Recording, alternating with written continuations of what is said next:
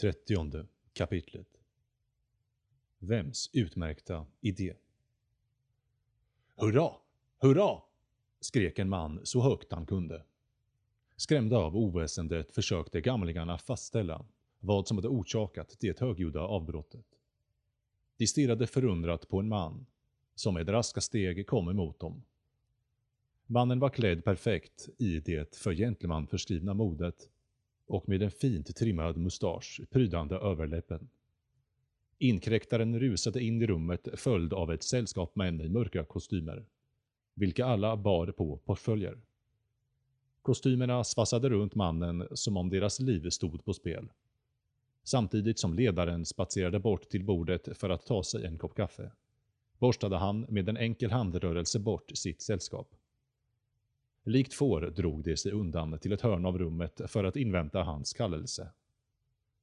Gratulerar, sa Jonathan, till vad ni nu firar.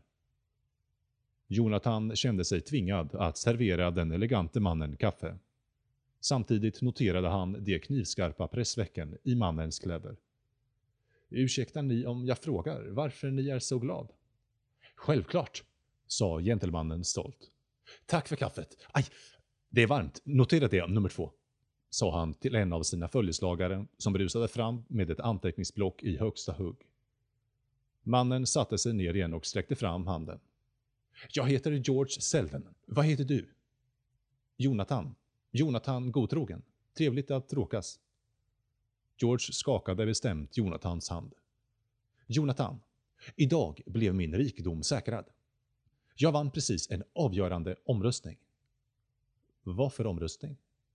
Med tre röster mot två röstade Högsta domstolen för att godkänna mitt patent på vassmetall på pinne. Vad är ett patent? frågade Jonathan. George bröstade upp sig och förklarade. Det är bara det mest värdefulla pappret på Korumpe. Rådet har gett mig exklusiv rätt till en ny revolutionerande idé för hur man fäller träd. Ingen får använda en vassmetall på pinne utan mitt medgivande. Jag kommer bli snuskigt rik. När uppfann ni den? Åh, oh, det var inte jag som kom på själva idén. Det var Charlie Goodyear, må han vila i frid, som satte samman allt tillsammans och lämnade in en ansökan till departementet för kontroll av idéer. Han dog innan papperna färdigbehandlats och jag betalade Charlies änka en struntsumma för rätten till ansökan och den investeringen han snart betalat sig. Med en gest åt flocken av män som krupit ihop i hörnet tillade George. Charlie skulle aldrig haft råd att anlita den här horden av advokater själv. Så vem förlorade omröstningen? frågade Jonathan. Många. George tittade upp på taket med halsslutna ögon och räknade i huvudet. Det måste vara ja, åtminstone 34 andra som påstod att de hade tänkt på den här grejen före mig. Före Charlie, menar jag. Några sa att det var nästa logiska steg efter upptäckten av sten på pinne. Till och med Charlies farmor protesterade och sa att det var hon som hade möjliggjort för Charlies upptäckt. Och någon science fiction-författare försökte ge sig in i kampen genom att påstå att Charlie stulit idéer från honom. George slutade tala tillräckligt länge för att blåsa på sitt kaffe. Men den här sista domstolsförhandlingen var den svåraste. Käranden menade att hennes far för länge sedan hade satt ihop trä och metall. Jag kommer inte ens ihåg vad hon heter längre. Jonathan svalde hårt och tänkte på mötet med skogsarbetarna. Han mindes incidenten med den kvinnliga skogsarbetaren. Hette kvinnan Andersson? Spelar ingen roll egentligen. Vad hon nu hette hade mer än 20 lögnaktiga vittnen som påstod att hon kom på idén för länge sedan. Hon menade att hennes far hade varit född till tänkare och att hon och hennes far bara försökte göra hennes jobb lite enklare. Sedan försökte hon spela på domarens känslor och framhöll att hon var en fattig skogsarbetare och att hon inte hade haft pengar för patentavgiften och advokatkostnaderna. Otur för henne. Otur, replikerade Jonathan. Jag antar att hon sökte en plats i historieböckerna. Nu kommer ingen någonsin att höra om henne. George njöt märkbart av sin triumf när han ställde ner sin kopp igen, lutade sig mot väggen och studerade högra handens manikerade naglar. Varenda en av överklagandena hade en unik vinkel, fortsatte George. Vissa påstod att det inte är möjligt att äga rätten till användandet av en idé, att det begränsar andra människors frihet. Men domstolen säger att det kan jag visst, eftersom Charlie var den första som ansökte om det och det ges inga priser för andra plats. Jag äger rätten i 17 år. 17 år? Varför 17 år? frågade Jonathan. Vem vet? flinade han. Ett magiskt nummer, antar jag. Men om ni äger rätten att använda en idé, varför upphör den efter 17 år? Blir ni av med all er egendom efter 17 år också? Hmm. George tog upp sin kaffekopp och tänkte efter. Han började röra sig nervöst. Bra fråga. Det finns vanligen ingen tidsgräns för privat äganderätt mm, om inte rådet sätter en för ett högre socialt ändamål. Kanske finns det ett högre socialt ändamål. En sekund. Han lyfte sin hand och nummer två kom genast springande. Den valpiga mannen nästan studsade fram till Georges sida. Vad kan jag göra för er, herrn? Nummer två. Förklara för min unge vän här varför jag inte kan äga ett patent i mer än 17 år. Jo, herrn, så här är det. Eh, eh, förr i tiden innebar ett patent att någon av monarkens vänner förlänades ett kungligt monopol. Idag däremot är avsikten med patentet, sa nummer två med sin juridiskt monotona stämma, att motivera uppfinnare som annars inte skulle ha anledning att uppfinna användbara saker eller avslöja sina upptäckter.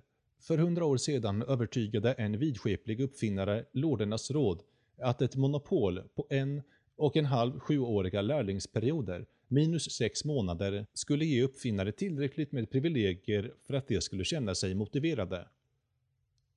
Vänligen rätta mig om jag har fel, sa Jonathan och kämpade för att förstå. Ni säger att uppfinnare är motiverade av önskan att bli rika, att förhindra andra från att använda deras idéer. George och nummer två såg oförstående på varandra. George svarade Vad för andra motiv skulle det finnas? Jonathan fann deras bristande fantasi lite deprimerande. Så alla som tillverkar en vass metall på pinne måste betala er. Antingen det, eller så producerar jag dem själv. Några få i taget till ett högt pris, sa George. Nummer två skrattade nervöst och sneglade åt George. Hmm. Det är fortfarande inte klarlagt, herrn. Vi har redan folk som utreder frågan. Du kanske känner till att vi först måste ta itu med den problematiska lagen om skogsarbete, eh, som förbjuder bruket av nya verktyg. Vi har ännu ett möte med Lady Tweed inbokat senare idag. Om vi lyckas ordna med ett undantag från lagen kommer kanske skogsarbetarna med ett erbjudande, så vi kan ruva på idén i 17 år. Nummer två vände sig åter till Jonathan och förklarade. Skogsarbetarna har en besynnerlig och ålderdomlig uppfattning om att deras bruk av gammal idé skall skyddas från bruket av nya idéer. Enligt dem är vi nykomlingar.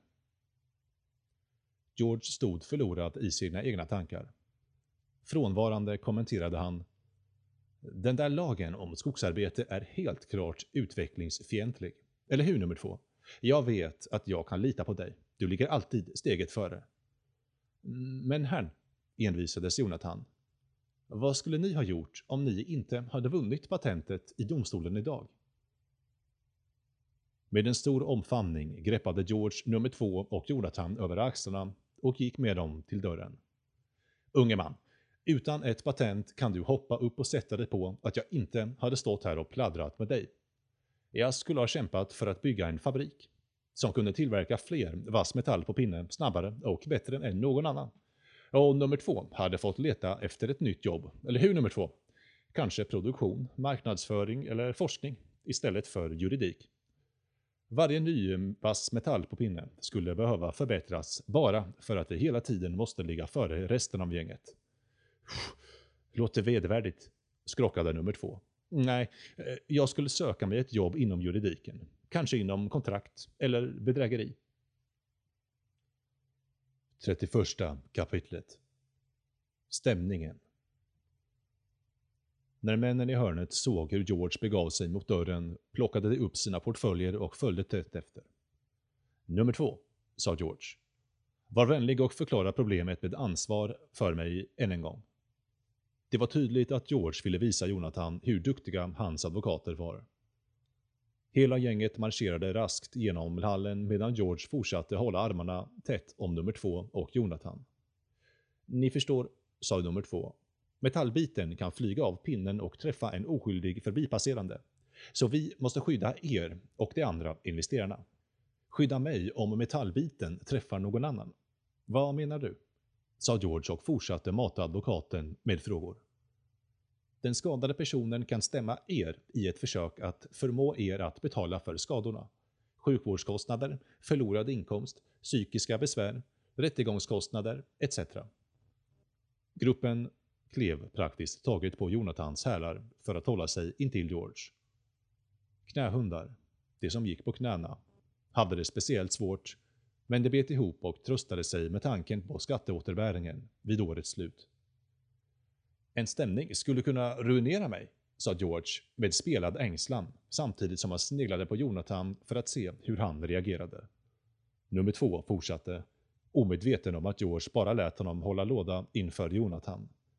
Därför har Lordernas råd jämfört en ny genialisk idé som frånhänder er personligt ansvar för andras förluster.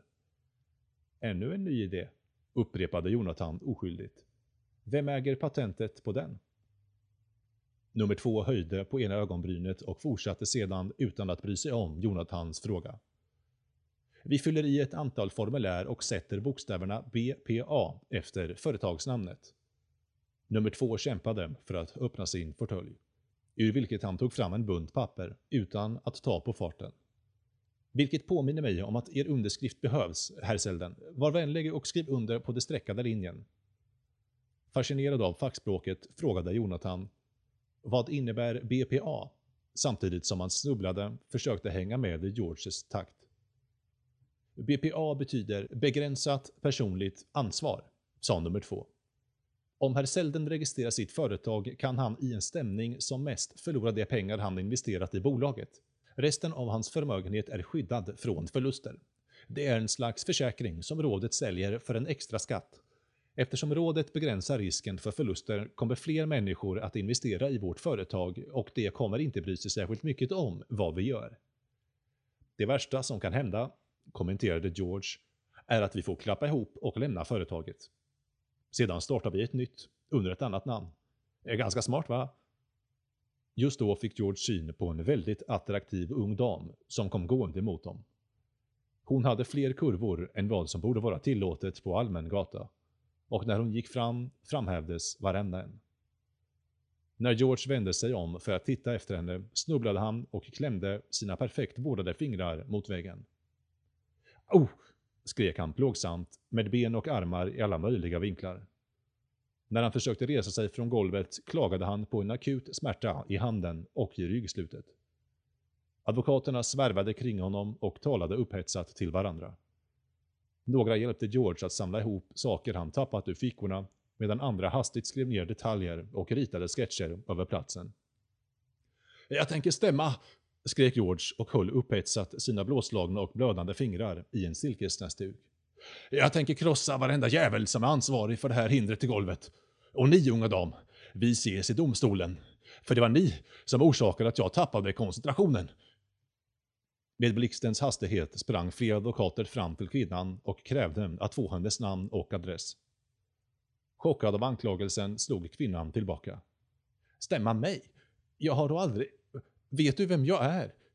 Jag bryr mig inte, dundrade George. Ju större desto bättre. Jag tänker stämma dig.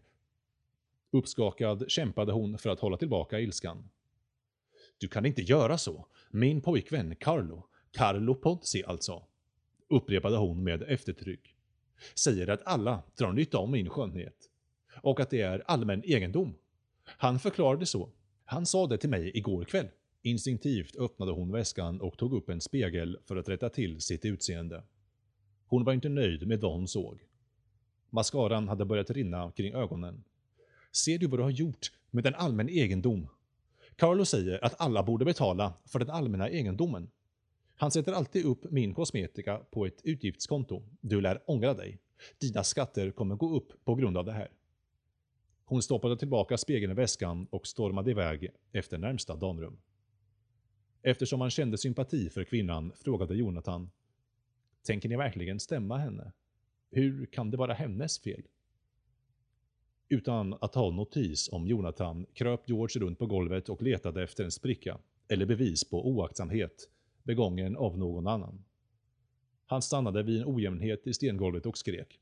Här är orsaken. Nummer två, ta reda på vem som är ansvarig. Jag ska se till att han blir av med jobbet och varenda krona han äger. Och vad hette den där kvinnan? Ta det lugnt George, sa nummer två. Det där är Ponsis flicka. Glöm henne om du vill få bort lagen om skogsarbete. I vilket fall som helst, det här huset är regeringens egendom och med lordernas tillstånd kan vi stämma skattebetalarna. George bröt ut i ett brett flin och ropade. Nummer två. Du är ett geni. Sätt det på vår lista för tweed. Naturligtvis har lorderna inget emot att vi stämmer palatset. Pengarna tas inte ur deras fickor. För övrigt kommer vi se till att de också får lite. Han undrade hur mycket Lady Tweed skulle begära för den tjänsten. Georges smärtor avtog raskt. Nu har jag chansen att gräva i den djupaste fickan av alla. Tänker ni bli lorderna att ersätta er för skadan? Frågade Jonathan. Nej, din idiot! replikerade George. Lorderna har den bästa BPA som finns. Nej, de kommer att servera mig skattebetalarna på ett silverfat. Nu har jag vunnit högsta vinsten. 32 kapitlet Doktrinär Jonathan följde med Georges sällskap genom lordernas palats och ut på gatan i jakt på läkarhjälp. Mitt emot palatset upptog en lång vit byggnad större delen av ett kvarter. Gruppen öppnade första bästa dörr och försvann in när ett ångestfyllt skrik hördes från ett öppet fönster halvvägs nedför kvarteret. Jonathan satte fart längs trottoaren och nådde fönstret samtidigt som fönsterluckorna stängdes. Han fick tag i en av luckorna och lyckades hålla den öppen. Försvinn härifrån! gastade en stor, mammig kvinna inifrån. Hennes argt röda ansikte utgjorde en bjärt kontrast till den vita uniformen som täckte henne från topp till tå. Vad är det som pågår här inne? envisades Jonathan. Vem är det som skriker? Det har du inte med att göra, släpp nu! Desperat höll Jonathan hårdare om luckan. Inte förrän du säger vad du håller på med. Du gör illa någon. Naturligtvis gör vi någon illa, sa kvinnan. Hur ska vi annars kunna bota dem? Lita på mig, jag är läkare. Så sant som det var sagt. Jonathan såg kvinnans namn och titel broderade på uniformen. Dr. Abigail Flexner. Jonathan flämtade till. Skadar du människor för att bota dem? Varför kan du inte låta dem vara i fred istället? Vi måste döda demonerna och ibland kan det inte hjälpas att även patienten får lida. Förklarade doktorn som om det vore den mest självklara sak. Doktorn såg sig frustrerat omkring efter hjälp med att få undan den näsvisa ynglingen. Okej då, sa hon uppgivet. Jag skall bevisa för dig att vi hjälper människor. Gå runt till sidodörren så ska jag ta med dig på en instruktionsrunda. Misstänksamt släppte Jonathan fönsterluckan och gick runt hörnet som doktorn satt. Det var samma dörr som George och de andra hade gått in igenom, men han såg inte skymten av dem där inne. Rummet Jonathan mötte var fullt av människor i alla åldrar. De satt eller stod intill varandra längs väggarna. Några jämrade sig tydligt och hade armar och ben insvepta i bandage.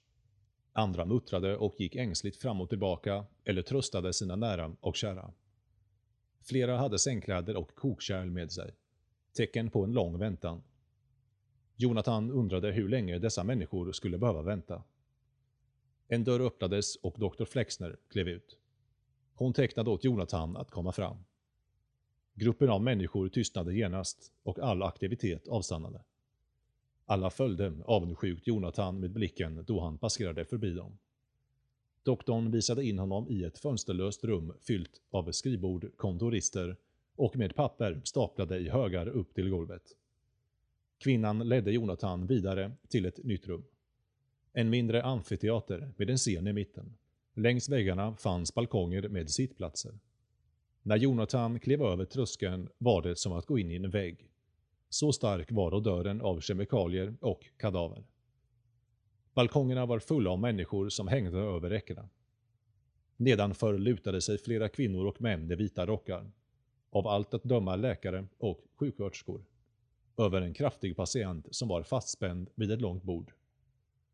För att bota denna patient, viskade doktorn allvarligt, säger den ortodoxa medicinen att vi måste öppna ådrorna för att släppa ut demonerna tillsammans med blodet. Stundom använder vi blodiglar. Hon pekade mot ett bord intill patienten. Den täcktes av knivar, sågar, stearinljus och flaskor av alla storlekar och slag. En stor metallskål var överfylld av iglar stora som manstummar. Jonathan kände hur det vände sig i magen på honom. Skulle även det misslyckas kommer våra vetenskapsmän och kvinnor att förgifta demonerna med kemikalier. Vi använder framförallt arsenik, antimon och olika kvicksilverblandningar. Utvecklingen har verkligen gått framåt, det kan jag lova dig. Om hundra år kommer läkarvetenskapen förundras över våra medicinska framgångar. Är inte de där ämnena dödliga? sa Jonathan. Han erinrade sig om att hemma sålde hans morbror liknande lösningar som råttgift. Jonathan hade också ett svagt minne av gamlingar som berättade att samma slags farliga substanser användes som medicin förr i tiden. Men hade man inte upphört med det för länge sedan. Kan inte hjälpas, svarade hon lugnande.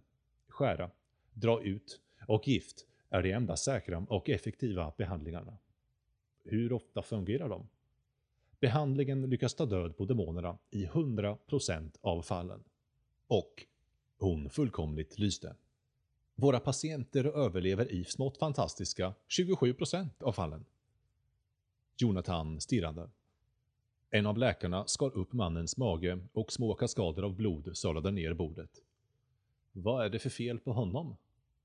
Diomental förorening i homosäcken, svarade doktor Flexner. Det är vi fullständigt säkra på. Finns det inget annat sätt att bota honom på? Ha, sa hon föraktfullt. Vissa säger det. Vi får tacka Gud för att de kvacksalvarna inte ges licens att vårda människor. Det är inte nog att garantera kvaliteten på läkarna som människor kan välja mellan. Vi måste även förbjuda bedragare som påstår sig bota med icke godkända mediciner. Dumma idéer om kosthållning, kristaller, växter, nålar, handpåläggning, böner, frisk luft, motion och ibland till och med tro det eller ej, grinade hon med skratt. När vi får tag på dem hamnar de bums i djurparken och sedan kastar vi bort nyckeln. Fungerar någon av de där kurerna? frågade Jonathan mjukt. Om de fungerar så är det bara tillfälligheter, svarade hon. Jonathan tittade på hennes sladdriga och uppsvullna ansikte. Den enda färgen stod hennes röda, knöliga näsa för. Resten var grått som mulen himmel. Och hennes andedräkt stank lik. Men om en patient väljer de andra behandlingarna, framhärdade Jonathan. Vems liv är det? Precis, utbrast hon. Jonathan hade dragit upp ett av hennes favoritämnen. Doktorn ledde bort Jonathan från räcket och la sina tjocka armar i kors över bröstet. Hon stödde hakan med ena handen. Med hetta sa hon. Vems liv är det? Vissa av dessa själviska patienter tror faktiskt att livet är deras eget. De har glömt att varenda liv tillhör alla. Vi utgör tillsammans en obruten kedja från förfäder till efterkommande. Alla är vi delar av samma stora hela. För det allmännas bästa måste erfarna specialister skydda patienterna från deras egna bristfälliga omdömen. Tänk, det finns patienter som faktiskt vill dö. Vi är mycket bättre lämpade att avgöra när och hur det ska behandlas. Hon tystnade en stund och tänkte efter och fortsatte sedan. Hur som, Lordernas råd betalar generöst nog för all sjukvårdskostnad här på ön. Friska arbetare gör sin plikt via skattsedeln enligt de bedömningar av förmågan som rådet bestämt. Patienter gör sin plikt i väntelistan enligt de bedömningar av behovet som rådet fastställt. En dag måste de två mötas, så vi har inte råd att låta patienter begå kostsamma misstag med folkets pengar. Ett skrik av smärta ekade i rummet och mer blod rann ned längs golvbrunnen. Någon delade ut order och kirurgen fick mer instrument och kompresser. En bekymrad min spred sig över doktors ansikte när hon stod där bredvid Jonathan. Jag känner hans smärta, mumlade hon. Hur får man en licens? frågade Jonathan. För att fatta dessa livsavgörande beslut åt människor. Det kräver åratal av förberedelser. Varje läkare måste genomgå den ortodoxa medicinska skolningen och klara av ett flertal prov. Våra vänner i Lordernas råd beslutade att stänga av den ena av Korumpes två medicinska skolor i syfte att bibehålla vår höga ortodoxa standard. En standard som fastslagits efter många år av vetenskapliga studier och ärevördiga traditioner. Licensen utfärdas sedan av skrået för det godhjärtade värnet av den ortodoxa medicinen. Skrået tillser även att de medicinska utövarna får en lön i enlighet med deras samhällsställning. En hög lön, sa Jonathan. Nu räcker det. Doktorn såg otålig ut och började skuffa Jonathan i riktning mot utgången. Men Jonathan vägrade sluta med sina frågor. Hur vet man vilken läkare som är bra och vilken som är dålig? Genom att vi minimerar möjligheten att göra onödiga val och att vi begränsar patientens tillgång till meningslös, spekulativ information. Det finns inga dåliga läkare, slog hon fast. Alla licensierade läkare är lika kvalificerade. Naturligtvis går det rykten. Människor kan inte sluta skvallra om vem som är bra eller dålig. Men vår kontroll över alla rapporter garanterar att allt sådant skvaller är grundlöst. Med blixtens hastighet puttade hon ut Jonathan genom bakdörren, stängde den snabbt och drog för regeln. 33 kapitlet Vice versa Väl ute på gatan snubblade Jonathan på en katt som låg utanför dörren med en död råtta mellan tassarna. Jonathan studerade den motbjudande råttan och tänkte Jag kan föreställa mig varifrån den här kommer. Tack, men nej tack. Katten kliade sig bakom örat, obekymrad av Jonathans avspisning. På andra sidan gatan la Jonathan märke till en hårt sminkad kvinna i en tätt åsittande, lysande röd klänning. Varje gång en man passerade henne log kvinnan och försökte få igång en konversation. Det verkade inte som hon tiggde. Nej, Jonathan trodde att hon försökte sälja någonting. När hennes försök misslyckades vände hon sig tvärtom och sökte en ny kund. Jonathan undrade om den pråliga kvinnan också hade förklarats vara allmän egendom av Lord Ponsi. Då såg han ännu en kvinna i en extrem utstyrsel och denna var på väg fram till honom. Kvinnan hade ett starkt lysande läppstift och en djupt urikad blus som avslöjade det mesta av hennes omfångsrika behag. Den korta kjolen framhöll kvinnans finlemmade ben. Ben som uppenbarligen aldrig behövt gå på knäna.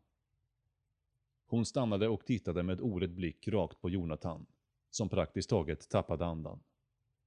Kvinnan skulle precis säga något då en polisvagn kom farande runt hörnet och tvärstannade mellan de båda kvinnorna.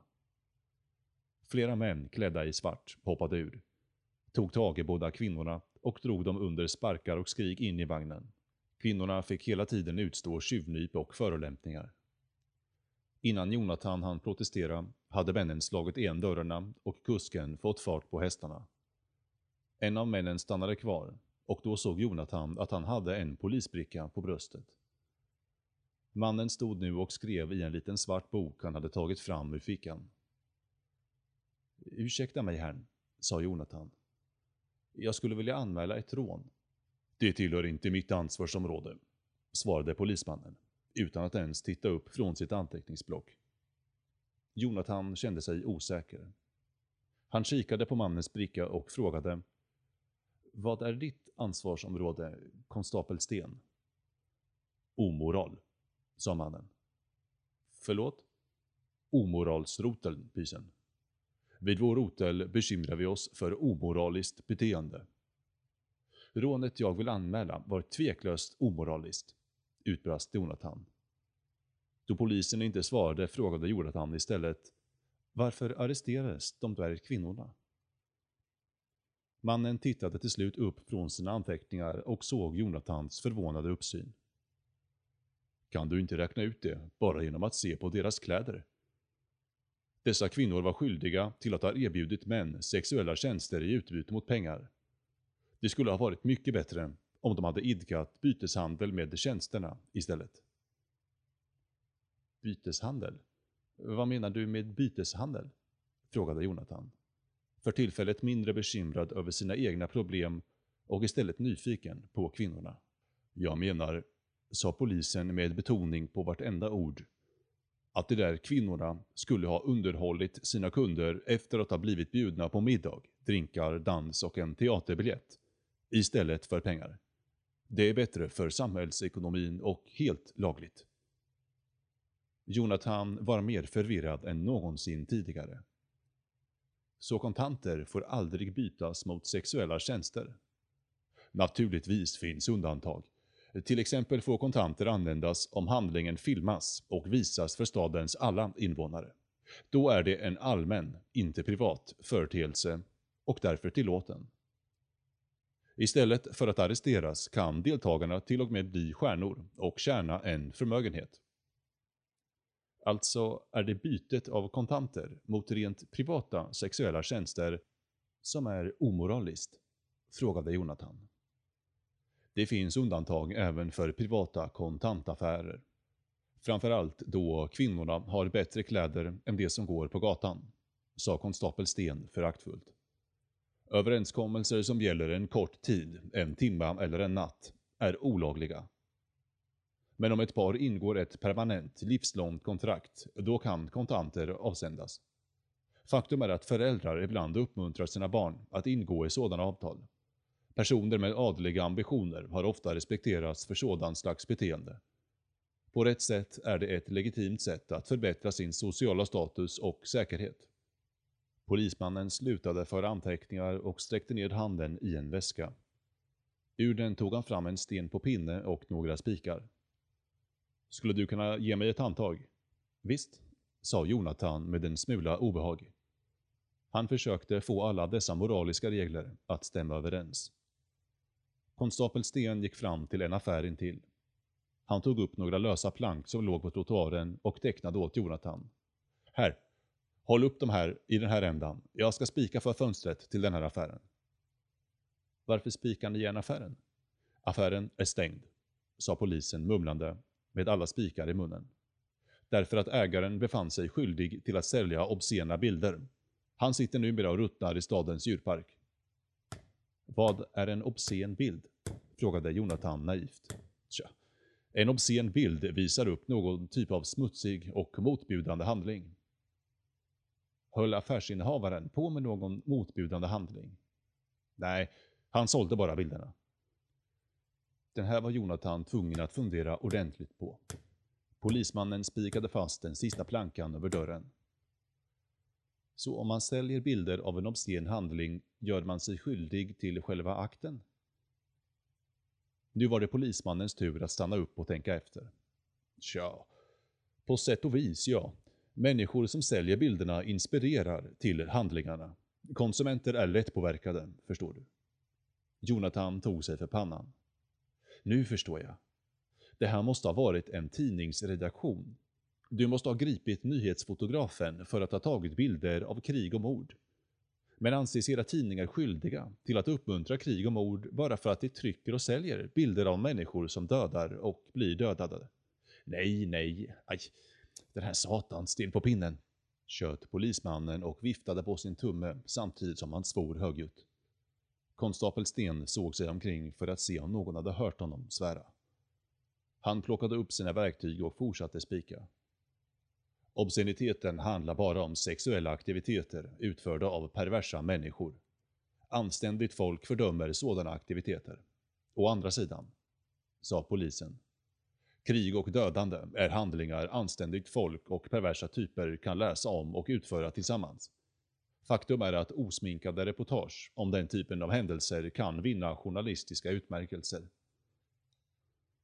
När den sista spiken var inslagen plockade konstapeln ihop sina verktyg, tackade Jonathan för hjälpen och gick sedan sin väg. Jonathan tittade på sina fötter och tänkte jag antar att den där mannen var alldeles för upptagen av omoral för att hjälpa mig med ett simpelt rån.